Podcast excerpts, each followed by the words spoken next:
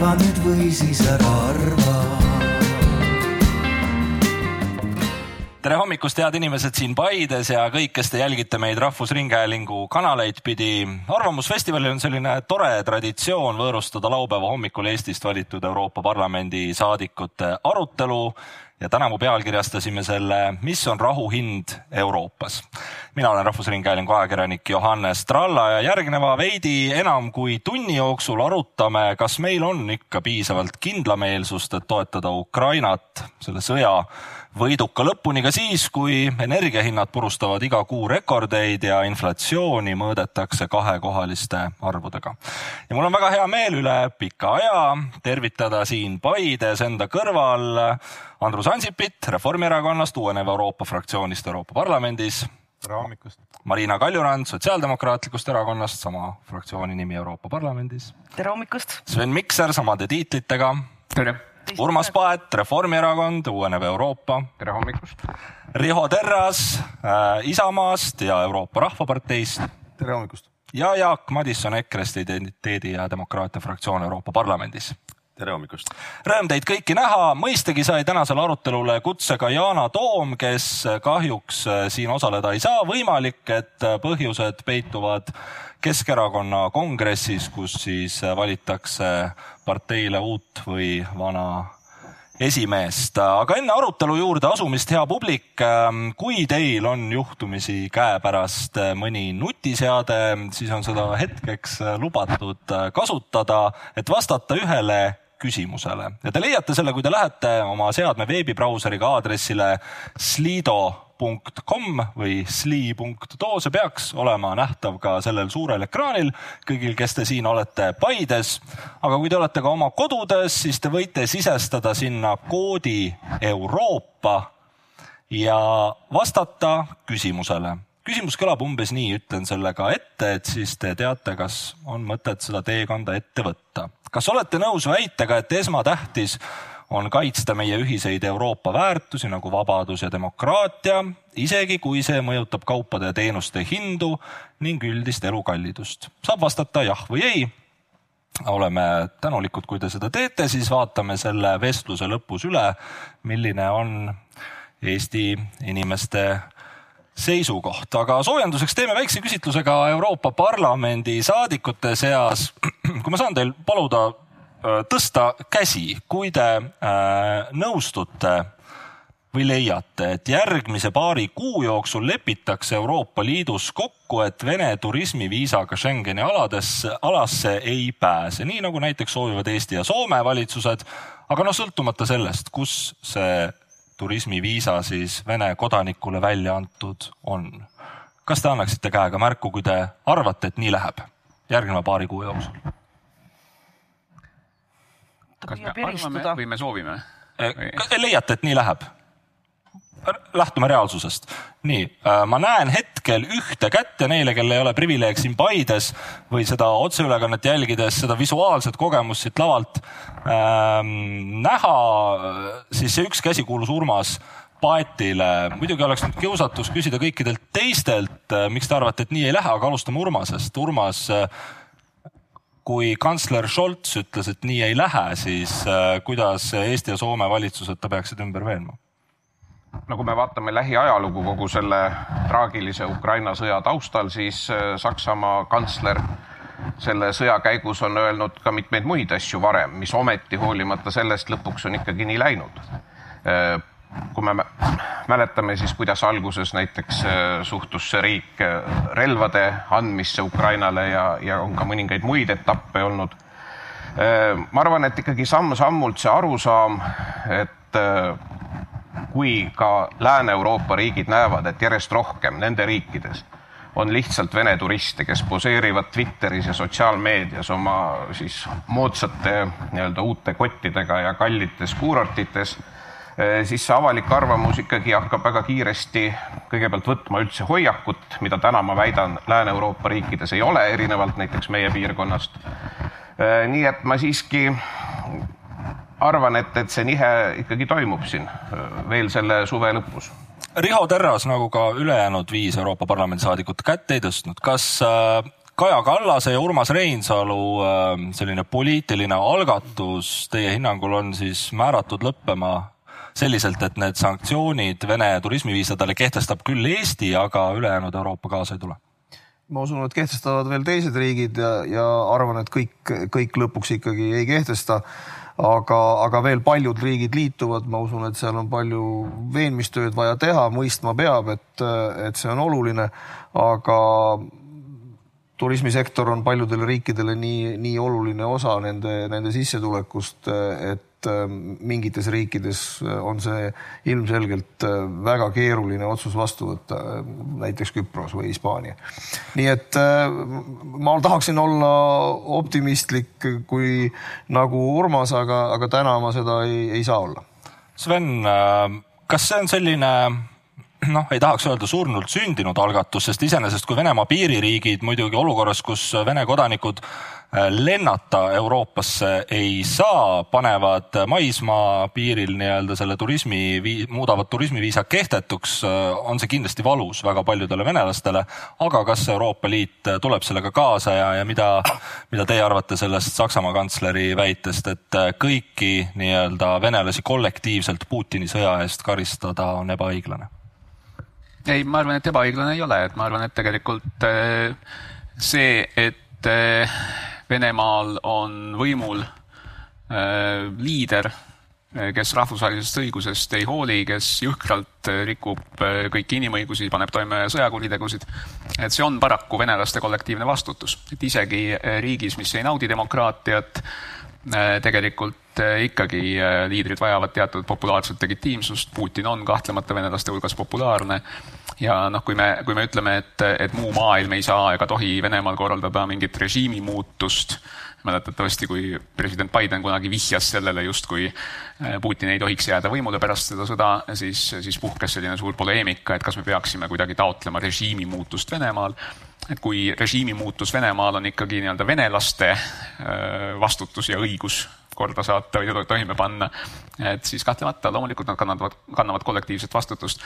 aga jah, ma arvan ka, et, et kuu-kahega tõenäoliselt äh, siin noh, sellist nihet ei toimu, et kogu Euroopa Liit oleks valmis äh, sanktsioneerima venelaste turismiviisasid. et kas see on nii-öelda, kas, kas, kas on õige praegusel hetkel, kus me noh, oleme siin maadelnud äh, Vene valitsuse tuluallikate ekraanide kinnikeeramisega, kas on õige nii-öelda fookus nihutada ära kuhugi mujale, noh selle üle võib polemiseerida, aga, aga, aga kahtlemata moraalselt oleks õige venelaste pääsu Euroopasse jõuliselt piirata. no kas Küprose, Küprose inimesed, kreeklased, itaallased on valmis need tuluallikad, mis Vene turistidest ja nendega koos liikuvatest luksuskaupadest äh, siis nüüd ilma jätaksid need kauplejad? Andrus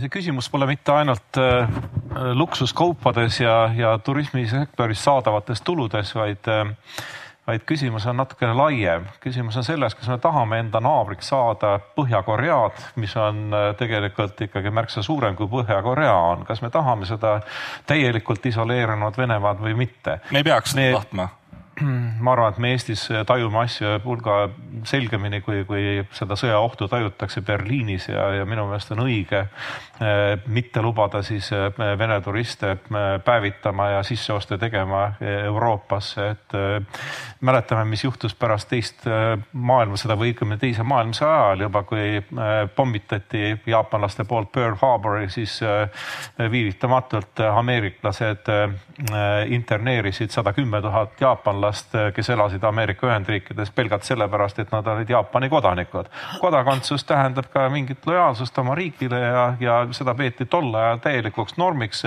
praegu me millegipärast välistame sellise lausalise mm, kas karistamise või, või piirangute seadmise, aga, aga minu meelest nagu ka Sven ütles, see on kollektiivne vastutus kõikidel Venemaa kodanikel selle eest, mis sünnib praegu Ukrainas ja, ja kodanikud peavad sekkuma.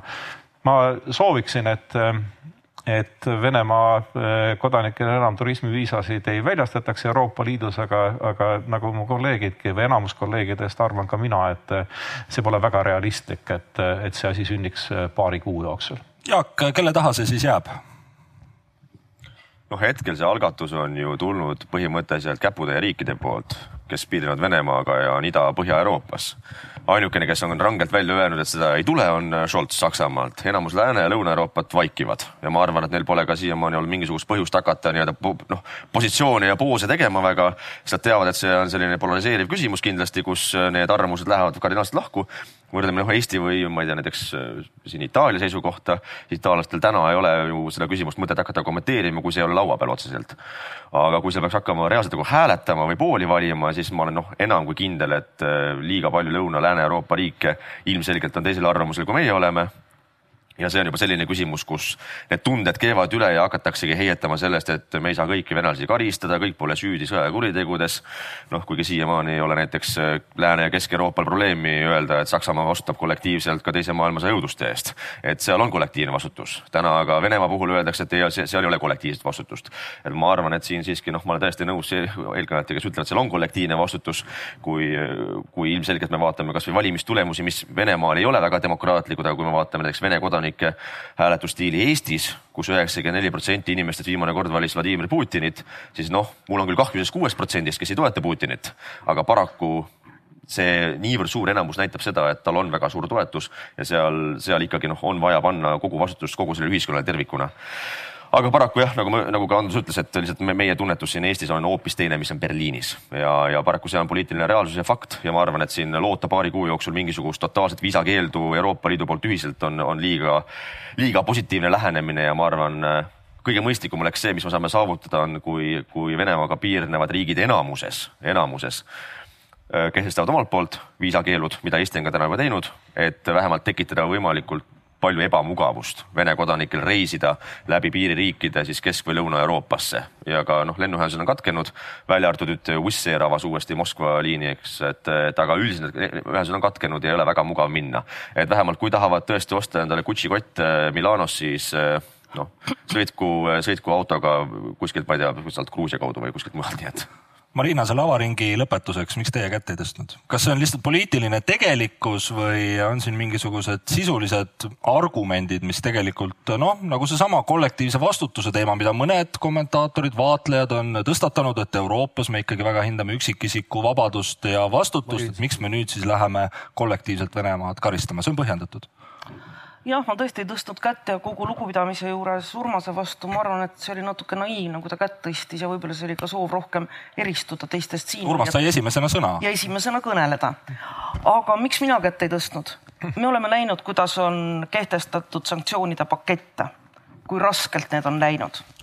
me teame, et viimasest sanktsioonide paketist võeti välja mõned Vene kodanikud kes on tõepoolest aidanud kaasa reaalselt igapäevaselt propaganda Putini masinale.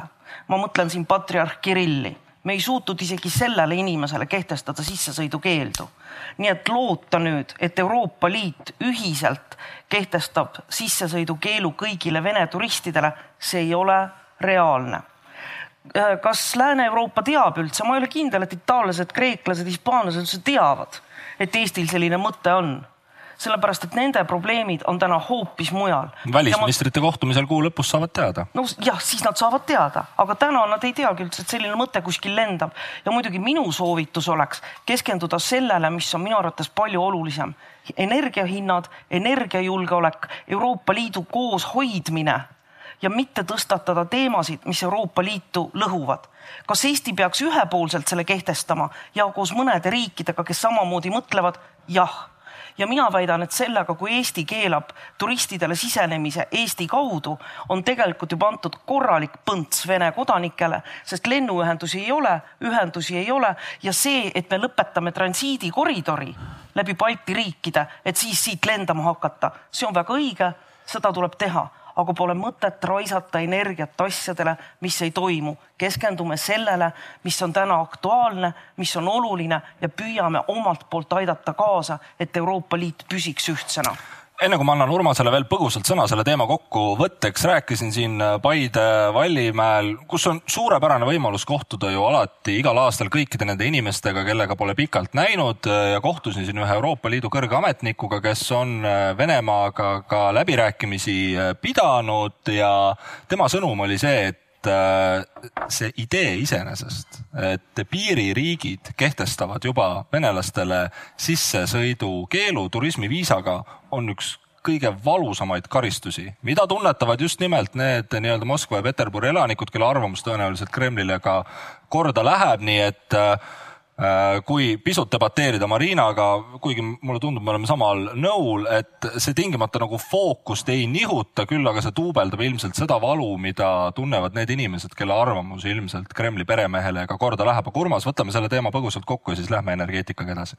nojah, et kõigepealt ma ei ole muidugi nõus et ükskõik mis vahend ja loota ja tegutseda selle nimel, et see tekiks, mis võiks veel kord survestada Venemaad seda sõda lõpetama, on kuidagi naiivne lähenemine, nagu siin kõlas. teiseks, täna isegi juba ainult piiririigid nagu Eesti teeb selle otsuse ja see puudutab ainult Eesti poolt väljastatud Schengeni viisasid, siis see on väga väike osa nendest viisadest mida väljastavad teised riigid ja mida ka kasutatakse näiteks Eesti, Läti või Soome kaudu reisimiseks, et igal juhul on vaja saada laiemat otsust et alles eile tuli uudis, kuidas mingid Izvestia tegelased tõsteti rongi pealt maha, ühel oli Soome poolt väljastatud viisa ja teisel Itaalia poolt väljastatud viisa. mis tähendab, et kui see jääb ainult nii-öelda Eesti enda otsuseks, siis sellised juhtumid jäävadki korduma. teiseks, mis puudutab äh, seda, et, et piirangute alla peaksid ju minema, ma rõhutan sõna turismiviisad et jutt ei ole ju sellest, kui on kellelgi humanitaarsed kaalutlused, noh, ükskõik millised muud nii-öelda tõsised või päris põhjused, jutt on turismiviisadest. Ja täna rääkida, kuidas justkui on Lõuna-Euroopa või, või Lääne-Euroopa turismisektor, kes tohutult kannatab, no see ka praktikas ju ei vasta tõele, neid turiste täna on minimaalselt.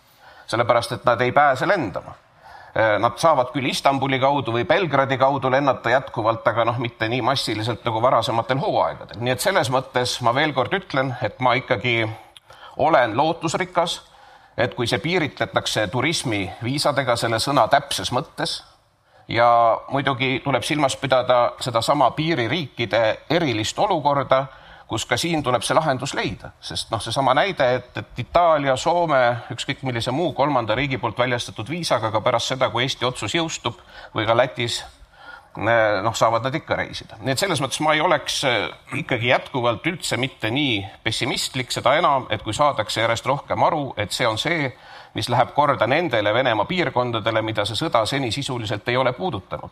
sest kui vaadata, kust värvatakse sõjaväelasi, siis need on Venemaal ju kõik enamik väljaspoolt suuri linnu, vaestest ja vähemusrahvuste piirkondadest. hästi, mulle tundub, et me kõik põhimõtteliselt nõustume, et meede oleks tõhus. kus me oleme eri meelt, on see, et kas on realistlik see üle Euroopa kokku leppida, aga tõmbame sellele teemale joone alla, sest meil on tegelikult äh, meie vestlusaeg on kaunis põgus, aga see peamine küsimus, mida me täna ikkagi võiksime adresseerida, on äh, selle nii-öelda rahu või Ukraina sõja lõpetamise hind Euroopale ja noh, siin kõrgrõhkkonna serval, nagu Synoptik äh, seda olukorda kenasti kirjeldas, on ju hetkel väga mõnus Paides istuda.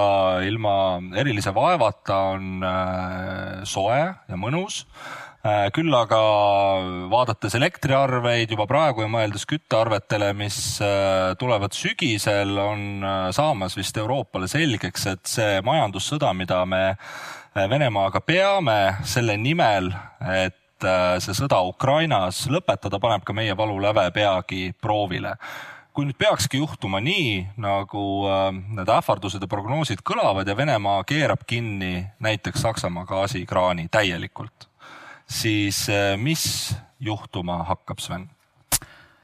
Äh, no tegelikult Euroopal kindlasti on olemas tugevusvaru, et kollektiivselt nende ohtudega toime tulla. Äh, küsimus on, et kas me, kas me saame sellest aru, et demokraatias on nii, et kui osa inimesi jääb külma kätte, osa inimesi jääb nälga, et siis sellel on, sellel on tagajärjed, sellel on väga valusad poliitilised tagajärjed.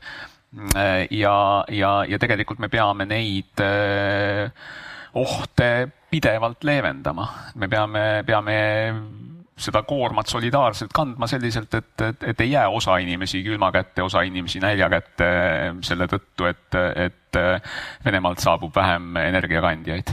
et see on, see on võimalik teha, küsimus on, et kas see on poliitiliselt nüüd kokkulepitav riikide sees ja riikide vahel. Äh, me oleme võimelised selle sõja võitma majanduslikus mõttes, Euroopa majanduslik äh, tugevusvaru on sedavõrd palju suurem kui Venemaal.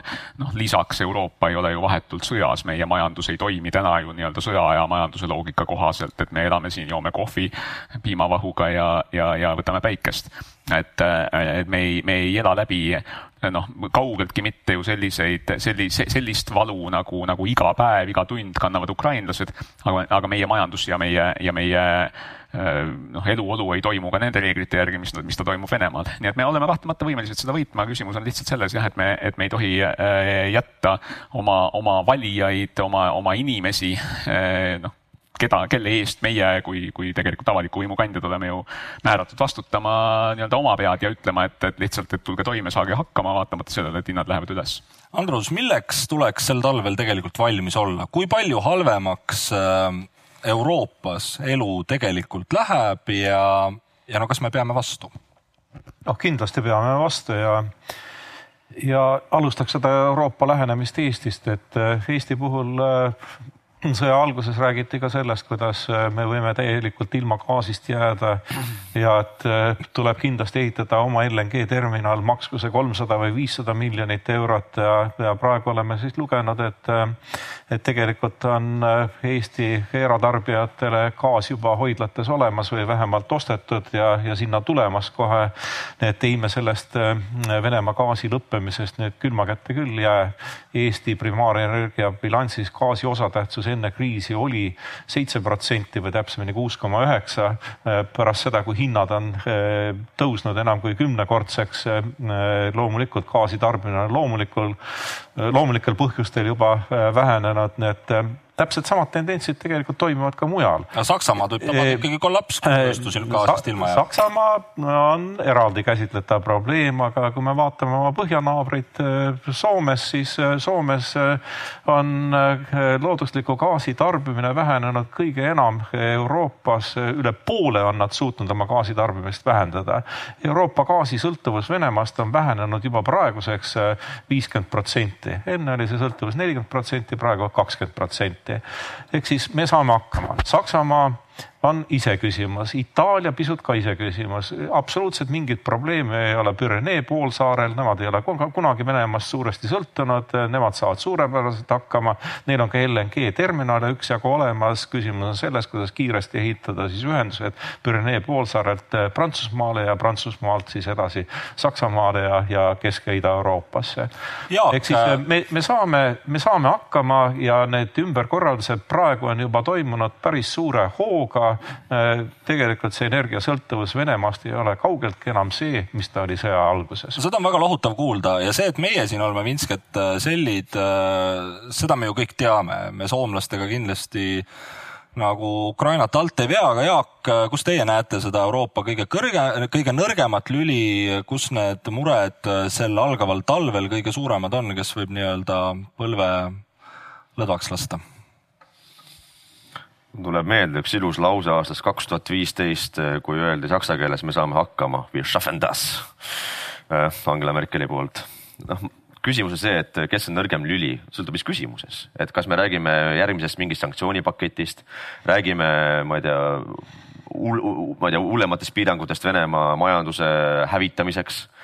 samal ajal täna noh paraku reaalne fakt on see, et Venemaa sissetulekud äh, on jäänud samaks tänu sellele, et energiahinnad on kordades kõrgemad ja eks naftatoojatele on leitud uued turud Aasias. ehk siis meie oleme küll nii-öelda üritanud, eks ole, panna neile lidakat ära, aga lõpuks tänu sellele energiahindade tõusule, mitmekordsele tõusule, nemad ikka rahastavad päris edukalt oma sõjatööstust.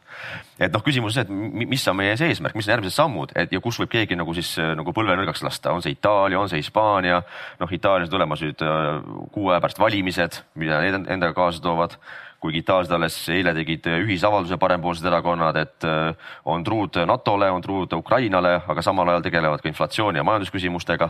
samal ajal kahel mehel on ikkagi väga tugevad sõprussuhted no, Putiniga, üks neist kandnud äh, Putini fännisärki, teine teinud no, jah, toredaid pidusid ja puhkuseid. no mina näen ka Putini sõpru Saksamaal, eks ole, praeguse kantsleri endine kamraad on Schröder on täna, eks ole, noh elabki vene, venelaste rahast, et noh, et, äh, kui sa vaatad Lõuna-Kesk-Euroopat, siis neid venelaste sõpru oli seal paremalt ja vasakult, ükskõik mis parteist. eks nad kõik ongi siuksed parajalt äh, nii-öelda noh, lapsemeelsed olnud ja, ja nende jaoks näevad dollarimärgid silmade ees, miks nad sõbrustavad nendega, et ja ma arvan, et siin nagu noh, midagi imestada selle üle on ka nagu noh nagu ma ütleks, et tänases olukorras äh, süüdi, et miks Saksamaa on selline vedel ja pabistab ja, ja paanitseb, on süüdi kõige rohkem ikka Angela Merkel, noh, et kuulge, noh, et kes lõpuks viis äh, Saksamaa sõltuvusse Venemaa energeetikast?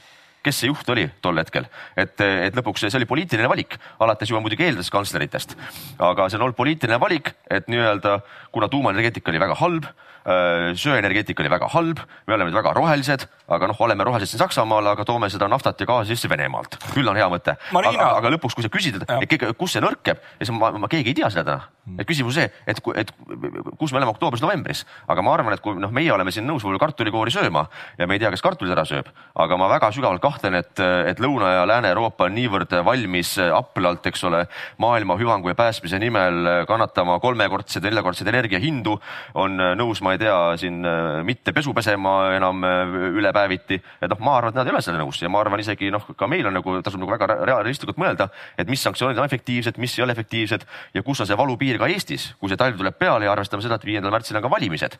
nii et ja kõikjal on valimised, et, et see kõik on niisugune nagu dünaamika, kus meil ette ennustada, noh, kuulge, me ei suuda ette ennustada ka isegi seda, et mis juhtub siin kuu aja pärast sõjaliselt. Marina, kas te olete oma kolleegidega Saksamaalt rääkinud, et miks need Saksa sotsid ikkagi Schröderi parteisse jätsid? Jätsid pärast äh, noh, kõiki neid äh, ütleme kaunis raskesti mõistetavaid avaldusi, mis ta viimasel ajal nii teinud kui tegemata jätnud on? noh, pärast seda, kui äh, Saksa sotsid otsustasid teda mitte parteist välja heita ja otsustasid ainult talt kabineti ära võtta, siis jah, tõepoolest ma ei ole oma kolleegidega rääkinud, meil on praegu suvepuhkus aga noh, mind teeb, aga noh, mind teeb hoopis palju murelikumaks see, et minu saksa kolleegid näevad Schröderil täna ka täiesti uut rolli näevad tema rolli nii-öelda vahendajana, lepitajana Venemaa ja Ukraina vahel. kas see on ja ikka see... tõsiseltvõetav jutt, et Schröder peaks hakkama nüüd mingit rahulepet vahendama või see on ikkagi Schröderi ja Putini peas tekkinud idee ainult? no ilmselgelt see tekkis Putini ja Schröderi peas, aga noh, ta on juba leidnud mingisugust kõlapinda, mingisugust võimendust ja tegelikult ta ju noh, tegelikult ta haakub natuke ka selle mõttega, et tuleb olukorrast välja tulla nii, et Putini nägu on päästetud, tuleb saavutada rahu võimalikult ruttu tõttu, et inimesed enam ei hukkuks, tuleks olukord võib-olla isegi külmutada. ja Need mitte päris resoneerivad äh, nii-öelda Euroopa Parlamendi koridorides. kevadel, kui me viimati kohtusime Esimeses stuudios, olin ma väga kriitiline Euroopa Liidu ühtsuse suhtes. ma nägin, et ta mõraneb. nüüd suvel mõraneb ta veel rohkem nii et jah, ma väga loodan, et need mõtted ei hakka oma elu elama, aga näiteks sellest, mis on Ukraina võit, saame me Euroopa Liidus väga erinevalt aru kui minu jaoks tähendab Ukraina võit Vene režiimi muutust ja seda, et Venemaa ei ründa enam mitte kunagi, ei ole enam Putini režiimi, denatsifitseerimist Venemaal, siis no paljud minu kolleegid Euroopa Parlamendis ja teistes Euroopa Liidu liikmesriikides ei näe seda selliselt ja tahaksid, et tuleks ruttu rahu, sõlmitaks mille, mingisugune rahuleping, lepitaks millekski kokku ja nad saaksid hakata elama oma rahulikku elu ilma sõjata Ukrainas. aga või ma ütlen selle energeetika kohta ka, noh, me arutame Eestit, me arutame Euroopa Liitu. eile mul oli võimalus kohtuda kahe naisega, kes on Mondo partnerid Vostok SOS Donbassi piirkonnast ja nende mure on, kuidas nemad selle talve üle elavad mm. -hmm. ja Ukraina talved võivad olla miinus kakskümmend viis, miinus kolmkümmend. nii et noh, Euroopa Liidus me juba räägime eh, Ukraina kandidaatstaatusest, alustame läbirääkimisi selle üle, et Ukraina võiks saata Euroopa Liidu liikmesriigiks. räägime ülesehitusest, kuidas me hakkame aitama ülesehitust, aga praegu tuleks aidata lihtsalt talv üle elada ja loomulikult võita ja võita tähendab seda, et Kremlis ei ole enam Putini režiimi Riho, kumb enne otsa saab, kas äh, Vene sõjaväe laskemoon või, või lääne tahe aidata Ukrainal see sõda lõpuni võita? Vene sõjaväe laskemoon. Äh, ma arvan, et äh, ma ei ole nõus Jaaguga, kes ütles, et ei tea, mis järgmised kuud toovad. minu üsna suur veendumus on, et järgmiste nädalate jooksul me näeme Ukraina laiaulatuslikku vasturünnakut või rünnakut Vene vägede vastu Lõuna-Ukrainas. ja kuidas see välja kukub, me ei tea, aga see esimene lahendus on nende nädalate, kuudega tulemas. ja, ja sealt saab siis võtta, teha hinnanguid nagu järgneva osas, et kuidas me edasi peame käituma. aga vahet ei ole, kas äh, see läheb meie tulemust ju ei tea. see läheb edukalt või vähem edukalt. kindel on see, et Ukrainal tuleb, Ukrainat tuleb püsti hoida järgmised aastad, mitte päevad, nädalad ega kuud. ja, ja seda peab tegema ka selle arvelt, et Saksamaal keeratakse soojakraanid nagu Haabek täna eile teatas, et tuleb keerata soojakraanid üheksateist kraadi peale ja võib-olla kaheksateist ja võib-olla seitsmeteist kraadi peale ja mitte ainult Saksamaal, vaid, vaid kogu Euroopa peab ennast kokku võtma. mina usun, et see on võidetav, see sõda on võidetav, aga selle võidu defineerib absoluutselt ja ainult Ukraina valitsus.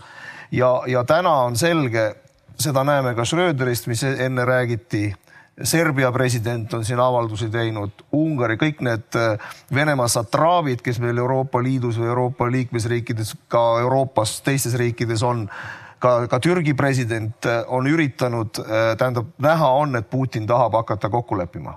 Ja, ja seda me ei tohi, täna me peame jala vastu maad panema ja seda me ei tohi lubada, mis tähendab seda, et Ukrainale tuleb anda toetust, aga kõige tähtsam tuleb anda relvi ja see relvade andmine ei toimi, ei toimu, antakse näpuotsaga, antakse kakskümmend, kolmkümmend, mitte kakssada, nelisada. aga miks antakse näpuotsaga? sellepärast, et kõigil tunne on, et ma ei saa oma ära anda, see on vale tunne, see on oma, kui sa annad ta ukrainlastele, ukrainlased kasutavad seda efektiivselt, aga kahjuks seda teadmist ei tule, aga nüüd, kui see vasturünnak pihta hakkab, siis on meie kõige suurem mure minu arust see teha läänele selgeks seda et see ei, et Amnesty International ei ütleks jälle, et ukrainlased on nüüd süüdi, sest nad ründavad Venemaad, ründavad Krimmis Venemaad, no tule taevas appi. ehk nüüd on meie asi kontsentreeruda sellele, et ukrainlased teevad õiget asja, kui nad hakkavad ründama ka Vene territooriumil olevaid lennuväebaase.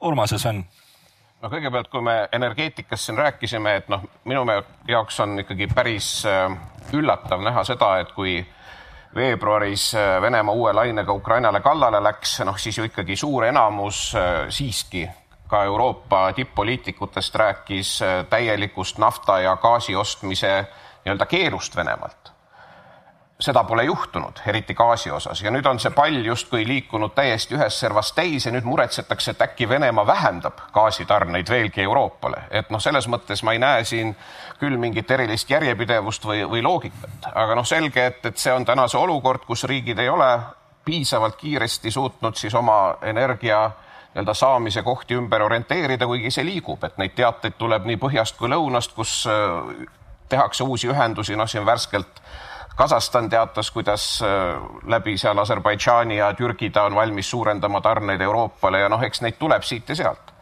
aga noh, Saksamaa puhul kõige keerulisem on, ma arvan, nende tööstuse olukord, et seal siiski on terve osa Saksa tööstust, mida ei ole nii lihtne teistele energiakandjatele võimalik ümber panna, kus nad ongi gaasipõhiselt ehitatud, nii et ega seal jah, selles osas lühikeses perspektiivis muud lahendust ei ole, kui on kas siis uued tarnekohad või siis jah, üldine ühiskonna kokkuhoid, mis siis võimaldaks nendel tööstustel jätkata, kuigi noh, lõppkokkuvõttes, kui ka mõni tööstus ei suuda jätkata, noh siis see vastab ka sellele saatele algsele küsimusele, et noh, see ongi teatav ajutine hind täna selles olukorras, mis Euroopas Venemaa käitumise tõttu on juhtunud ja mis Ukrainas toimuva sõja käiku puudutab, siis jah, ma olen täielikult nõus, et, et ka ikkagi nüüd ja mida sai ju ka siin kuid tagasi räägitud, et tuleb olla valmis pikaks konfliktiks ja see tähendab ka seda, et seda abistamise taset, relvaabi andmise taset, väljaõppe andmise taset Ukraina sõjaväelastele noh, tuleb hoida kõrgel kogu aeg. Ja, ja inimlikus plaanis muidugi üks noh,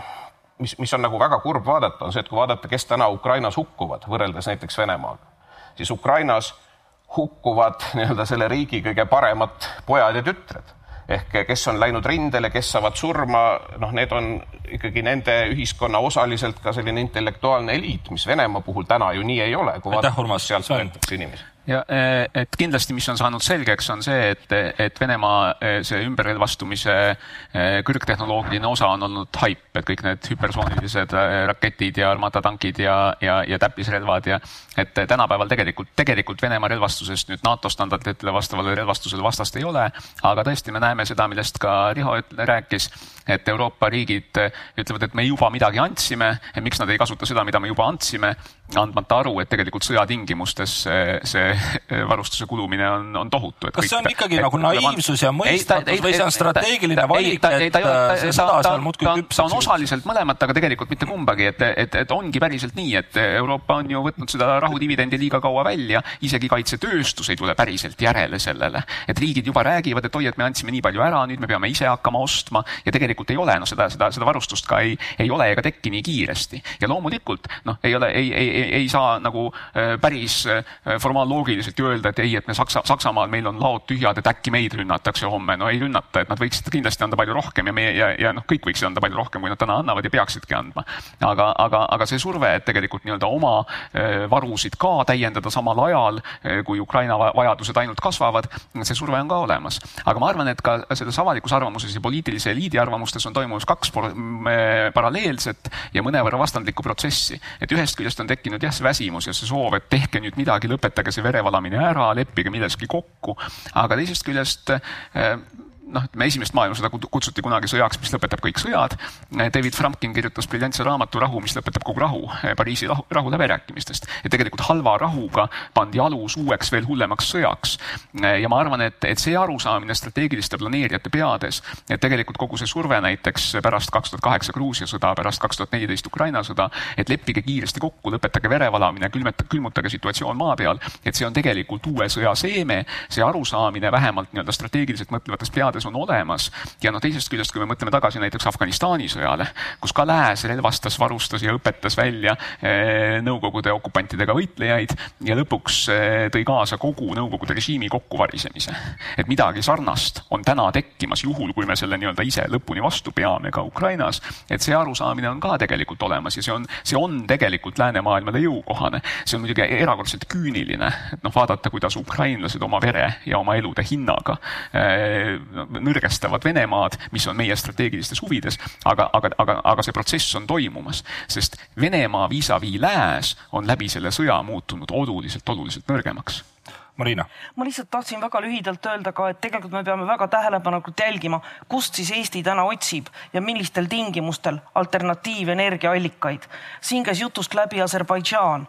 nõus, Aserbaidžaan ei ole täna võrreldav äh, Venemaaga, aga no Aserbaidžaan ei ole ka no, demokraatia ja demokraatia ideaalriik.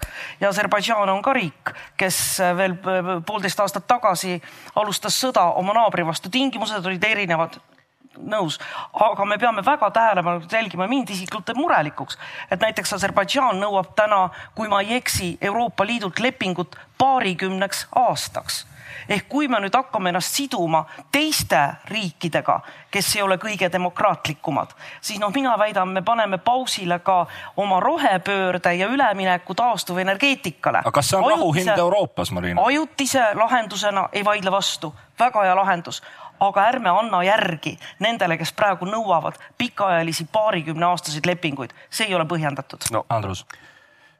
Ma tahaks väidelda nendega, kes, kes justkui äh, loovad sellise kujutelma nagu Euroopas oleks see domineeriv mõttelaad just nimelt äh, ükskõik mis hinnaga kiires rahu kokkuleppimises, et äh, tegelikult meie uueneva Euroopa grupis mingeid taolisi meeleolusid ei ole õueneva Euroopa grupis saadakse täiesti aru, et, et see sõda lõpeb siis ja rahu saabub siis, kui Venemaa selle sõja kaotab ja Ukraina selle sõja võidab. ja seda kaotust defineeritakse enamasti ikkagi nii, et, et kogu Ukraina saab jälle vabaks, kaasa arvatud Krimm et äh, ei ole mingisugust niisugust äh, kapitulantlikku suhtumist justkui noh, lepime täna kokku ja, ja, ja noh, äh, paneme seemne siis homsetele sõdadele, et, et, et sellist suhtumist ei ole. enamasti domineerib ka see arusaamine, et puhtmajanduslikus mõttes, kui võrrelda nüüd NATO riikide sisemajanduse kogutoodangut Venemaa sisemajanduse kogutoodanguga, siis Euro Euroopa Liit on suur, NATO on suur Venemaa on kääbus, võrrelda äh, NATO kaitse-eelarvet ja, ja Venemaa kaitse-eelarvet. no NATO riikides ei varastata eelarveraha, Venemaal varastatakse, aga isegi kui ei varastataks, no see on ju täielik kääbus võrreldes. ukrainlastel miskipärast laskemoona ikka pole ukrainlastel laskemoona äh, siiski üksjagu on ja on täppislaskemoona ja me ei saa ka seda öelda, et, et meie oleme nüüd kangesti süüdi selles, et Ukrainas laskemoona ei ole. tahad rahu, tahud, tahad rahu, valmistu sõjaks, seal jäeti omal ajal sõjaks piisavalt valmistumata, aga me oleme aidanud ja need on meie relvad praegu, mis võimaldavad äh, ka äh, Krimmis rünnakuid korraldada või, või, või lasta olulisi sildu puruks sajade, sadade kilomeetrite kaugusel, et, et need oleme meie, kes, kes tegelikult on aidanud, kui, kui kõik Euroopa riigid aitaksid sama palju nagu Eesti kohe selle esimese suure abipaketiga et, null koma kaheksakümmend üks protsenti sisemajanduse kogutoodangut äh, Ukrainat aitas, siis, siis ma arvan, et, et, et see sõda oleks ammu läbi ja Venemaa oleks ammu juba kaotanud, aga, aga see abi, mis on antud, see on, see on väga hästi sihitletud abi, õigel ajal antud abi ja sellest on kindlasti abi ja me näeme, kuidas need relvad lähevad järjest täpsemaks. no kasvõi suur üllatus NATO riikides, et kuidas Ukraina relvastuses puudusid sellised raketid, mis oleks noh, ise sihtivad olnud ja tabanud siis nende lokaatorjaamu et kuidas see võimalik oli? Nad küsisid lennukeid alguses suure hooga, aga milleks lennukid, kui te ei, su ei suuda venelaste õhutõrjevõimekust maha suruda. praegu on sellised raketid olemas ja tänu sellele on võimalik lasta välja Neptumeid äh,, ukrainlaste täppisrakette äh,, kuhu iganes vaja on ja, ja ka Ameerikast rakette täpselt sinna, kuhu, kuhu neid lasta tuleb. et no kui Andrus vahendas siin meeleolusid Uueneva Euroopa fraktsioonis, siis kiusliku ajakirjanikuna siia kõrvale lihtsalt äh, võin vahendada ühe hiljutise arvamusküsitluse tulemusi Saksamaalt kus, kus nelikümmend seitse protsenti vastanutest siis leidsid, et Ukraina peaks vastutasuks rahu eest, jutumärkides, loobuma oma idapoolsetest aladest. Jaak, no kui palju ikkagi Varssavist lääne pool seda mõistmist on, et Ukraina selle sõja võites peab ka territoriaalse terviklikkuse säilitama. ja kui palju ikkagi arvatakse, et noh, läks Krimm, võib minna ka Donetsk ja Lugansk? iseenesest mulle väga meeldib Andruse optimism, ta on alati optimist ja mulle see, ta süstib nii-öelda sihukest nagu helget tulevikku ja visiooni, et, et Ukraina võidab võidukalt sõja. Venemaa režiim langeb, tuleb demokraatia Venemaa ajalugu muutub pea peale ja muutuvad inimesed ka normaalseks seal. mis siis juhtub, Jaak? aga tegelikult noh, et ma seda jäin mõtlema, et kui Andrus andis ülevaadet oma fraktsiooni meeleolust, siis noh, tuletan meelde selle debati esimene küsimus, juba seal läksid uueneva Euroopa fraktsiooni liikmete arvamused lahku. et eh, Andrus oli ühte arvamust ja Urmasel teist arvamust ja mõlemad on ühes fraktsioonis. see on sõnavabadus Jaak, nii, nii see käib. ja, aga seal noh, see tähendab seda, et ei olegi ühtsust arvamust alati, nii et aga, aga eks, aga ma, ma, ma ei ole nõus nagu sellega, et nagu oleks nagu see meeleolu praegu siiamaani olnud selline, et, et ainult noh, on niisugune nii-öelda äraandmismeeleolu, lepi, lepime kokku ükskõik mis tingimustel rahus, peaasi, et sõda lõpeks, peaasi, et inimesi ei sureks enam. et, et see oleks ainult selline meeleolu, aga seda meeleolu on, seda ei saa eitada. et alles kolm-neli päeva tagasi kui ukrainlased korraldasid väga eduka rünnaku Krimmi, siis lääne poliitanalüütikud olid kahte leeri. ühed, jaa, see on väga õige, loomulikult see on Ukraina osa, vabastad, aga teised olid, ei no see eskaleerib sõda, see viib asja veel hullemaks äkki. eks meeleolu, aga me, me ei peaks nagu ise arvama naiivselt, et, et kuidagi lääne valitsustes on see meeleolu ühtselt Ukraina taga ja arvatakse, et loomulikult, et äh, Ukrainal on väga õigus üritada tagasi võtta oma territooriumit, milleks neil ongi õigus aga see meeleolu on selline, et ärge eskaleerige sõda, äkki läheb veel hullemaks. alles kevadel Valge Maja täiesti ametlikult teatas, et me ei anna sellist raskerelvastust, millega oleks võimalik rünnata Venemaa sisemaad. et me anname nii palju kui vaja, et hoida nii-öelda rinnet et Ukraina kohe ei kaotaks, suudaks vastu võidelda, aga me ikkagi noh, nii palju ei saa anda, et tekiksid rünnakud Venemaa sisemaale ja see võiks konflikti eskaleerida tuumasõjani see on see mentaliteet tulnud. ehk siis seda on, see sõltub kõik nii-öelda avalikust arvamusest, sõltub nii-öelda ka veenmisvõimest, sõltub sellest, kuidas ukrainlased suudavad kommunikeerida oma nii-öelda edulugusid selle nii-öelda lääne relvastusega, mida on antud väga palju siiamaani tõesti, et millega on suudetud seda Ukrainat veel hoida püsti.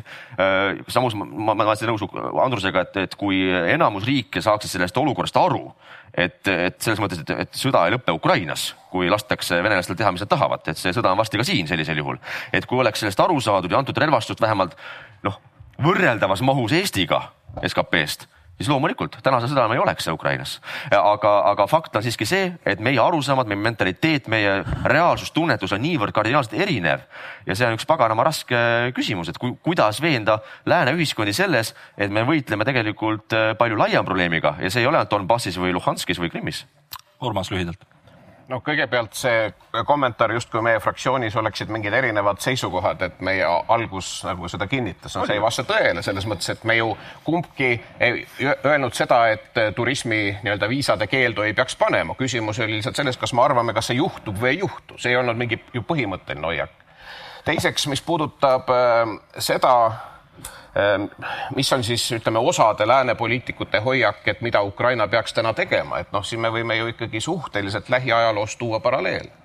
Et kui Nõukogude Liit oli kokku kukkumas et noh, siis oli ju samamoodi, oli väga palju lääne poliitikuid, kes ütlesid, kuulge, ärge destabiliseerige seda Nõukogude Liitu, eks ole, et, et Balti riikidel pole vaja iseseisvusjuttu ajada või seda hullem, et taasiseseisvuda.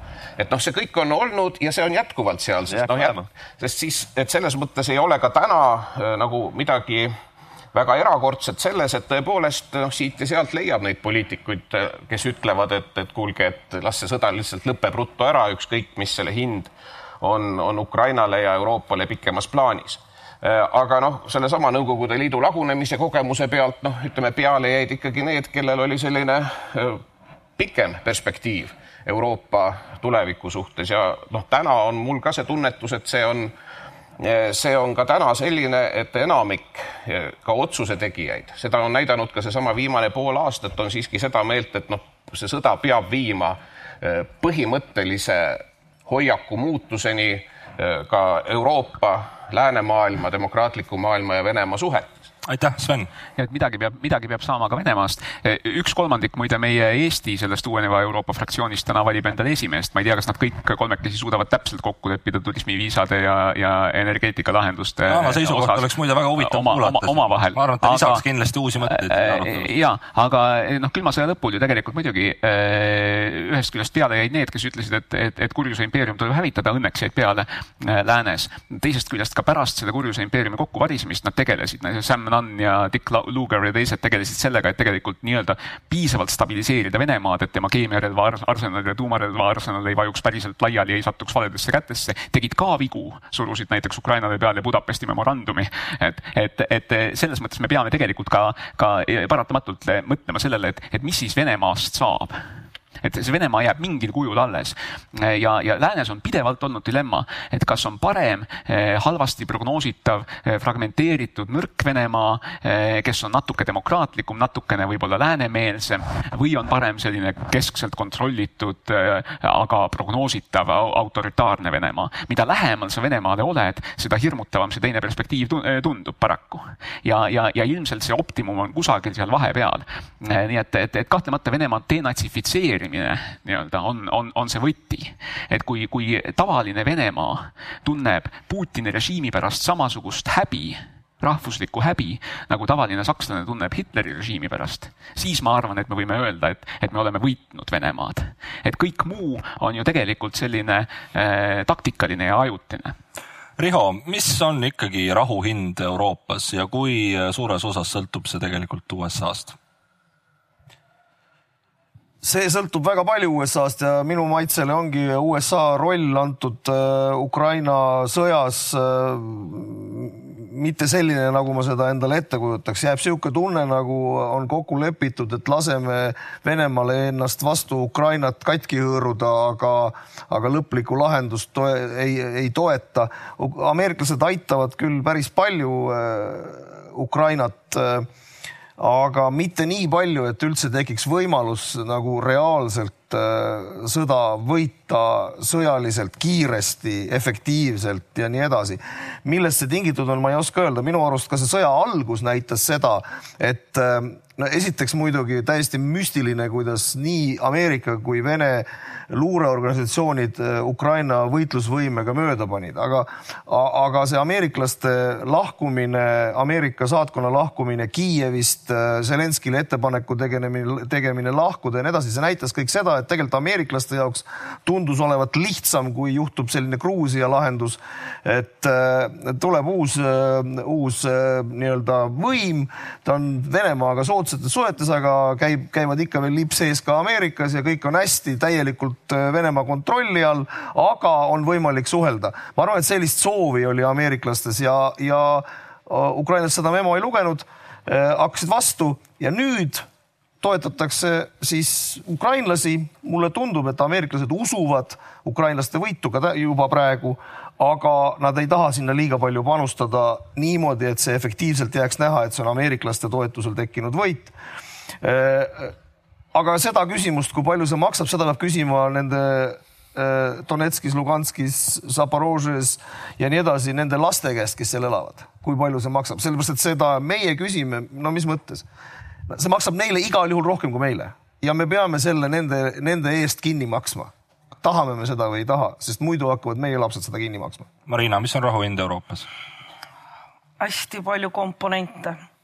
seal on rahaline pool, seal on moraalne pool, seal on eetiline pool. psühholoogid ütlevad, et sõjast paranemiseks läheb ukrainlastel kaks põlvkonda. kõik need tapetud lapsed, vägistatud naised see on ka see sõja hind. meie maksame energiahindadega.